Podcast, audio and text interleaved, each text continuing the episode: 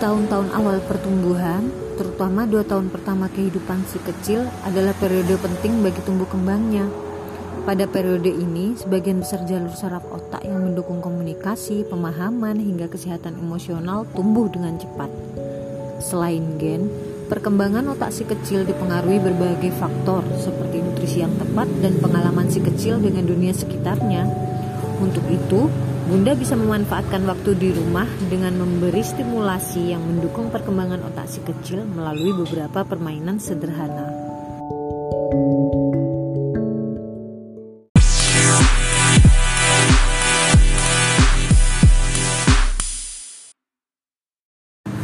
Lalu, kenapa bermain penting untuk perkembangan otak si kecil?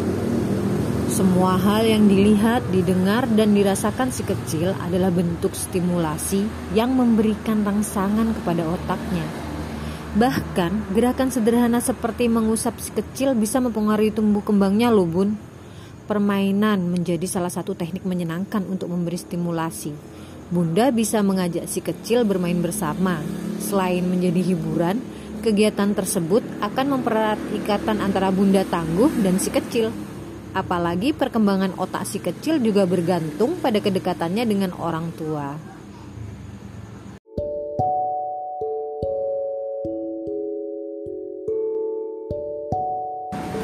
Lalu, stimulasi seperti apakah yang sesuai dengan tahapan perkembangan si kecil?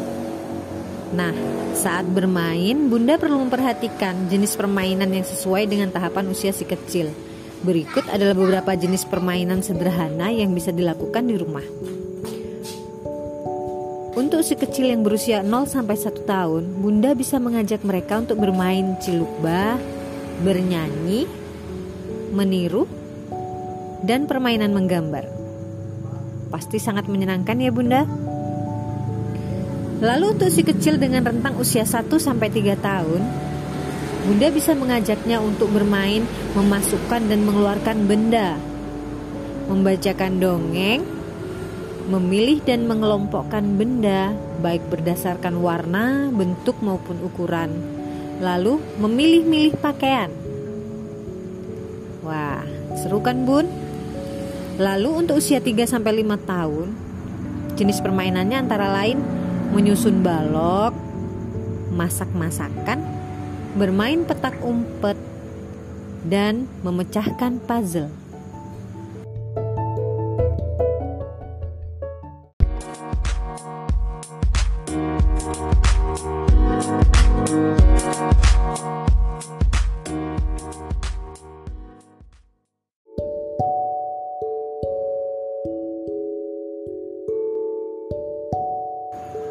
Selain memberikan manfaat untuk perkembangan otak dan fisik, Beberapa permainan juga dapat menjaga mood si kecil loh bun dan tentunya mencegahnya menjadi lebih rewel.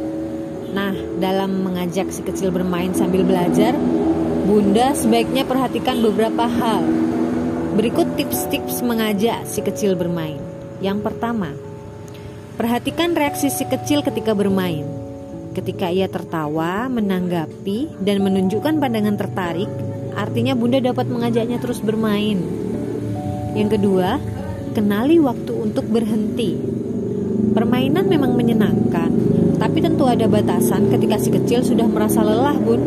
Jika ia sudah berpaling dari permainan atau bahkan menangis, kemungkinan ia membutuhkan istirahat. Yang ketiga, cobalah berbagai macam permainan supaya si kecil tidak merasa bosan. Lalu yang keempat, bangun suasana hangat dan akrab selama permainan. Selain untuk stimulasi otak, bermain bersama juga bisa menjadi cara membangun kedekatan emosional dengan si kecil. Yang selanjutnya adalah ciptakan lingkungan yang nyaman untuk si kecil bermain. Bermain di dalam maupun di luar rumah tidak menjadi masalah, Bun. Yang penting adalah tempat tersebut aman dan nyaman untuk si kecil.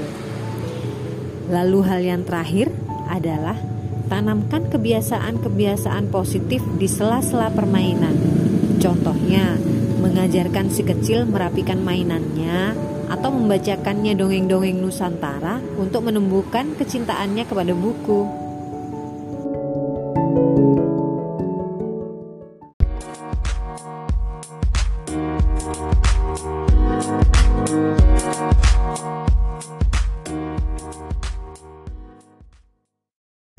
Nah, Merangsang perkembangan otak si kecil ternyata tidak sesulit yang dibayangkan ya bun. Bunda bisa memulainya dari permainan yang paling sederhana. Dengan begitu, meski hanya di rumah saja, Bunda tetap bisa mendukung tumbuh kembang si kecil. Jangan lupa ya bun, selain stimulasi, tentu si kecil membutuhkan asupan gizi agar fungsi otaknya bisa berkembang dengan optimal. Saat memasak, pastikan makanan memenuhi gizi dengan sempurna. Pastikan rajin mencuci tangan selama 30 detik dan pastikan area bermain anak-anak aman dan nyaman. Selamat bermain bersama si kecil bunda-bunda tangguh seluruh Indonesia.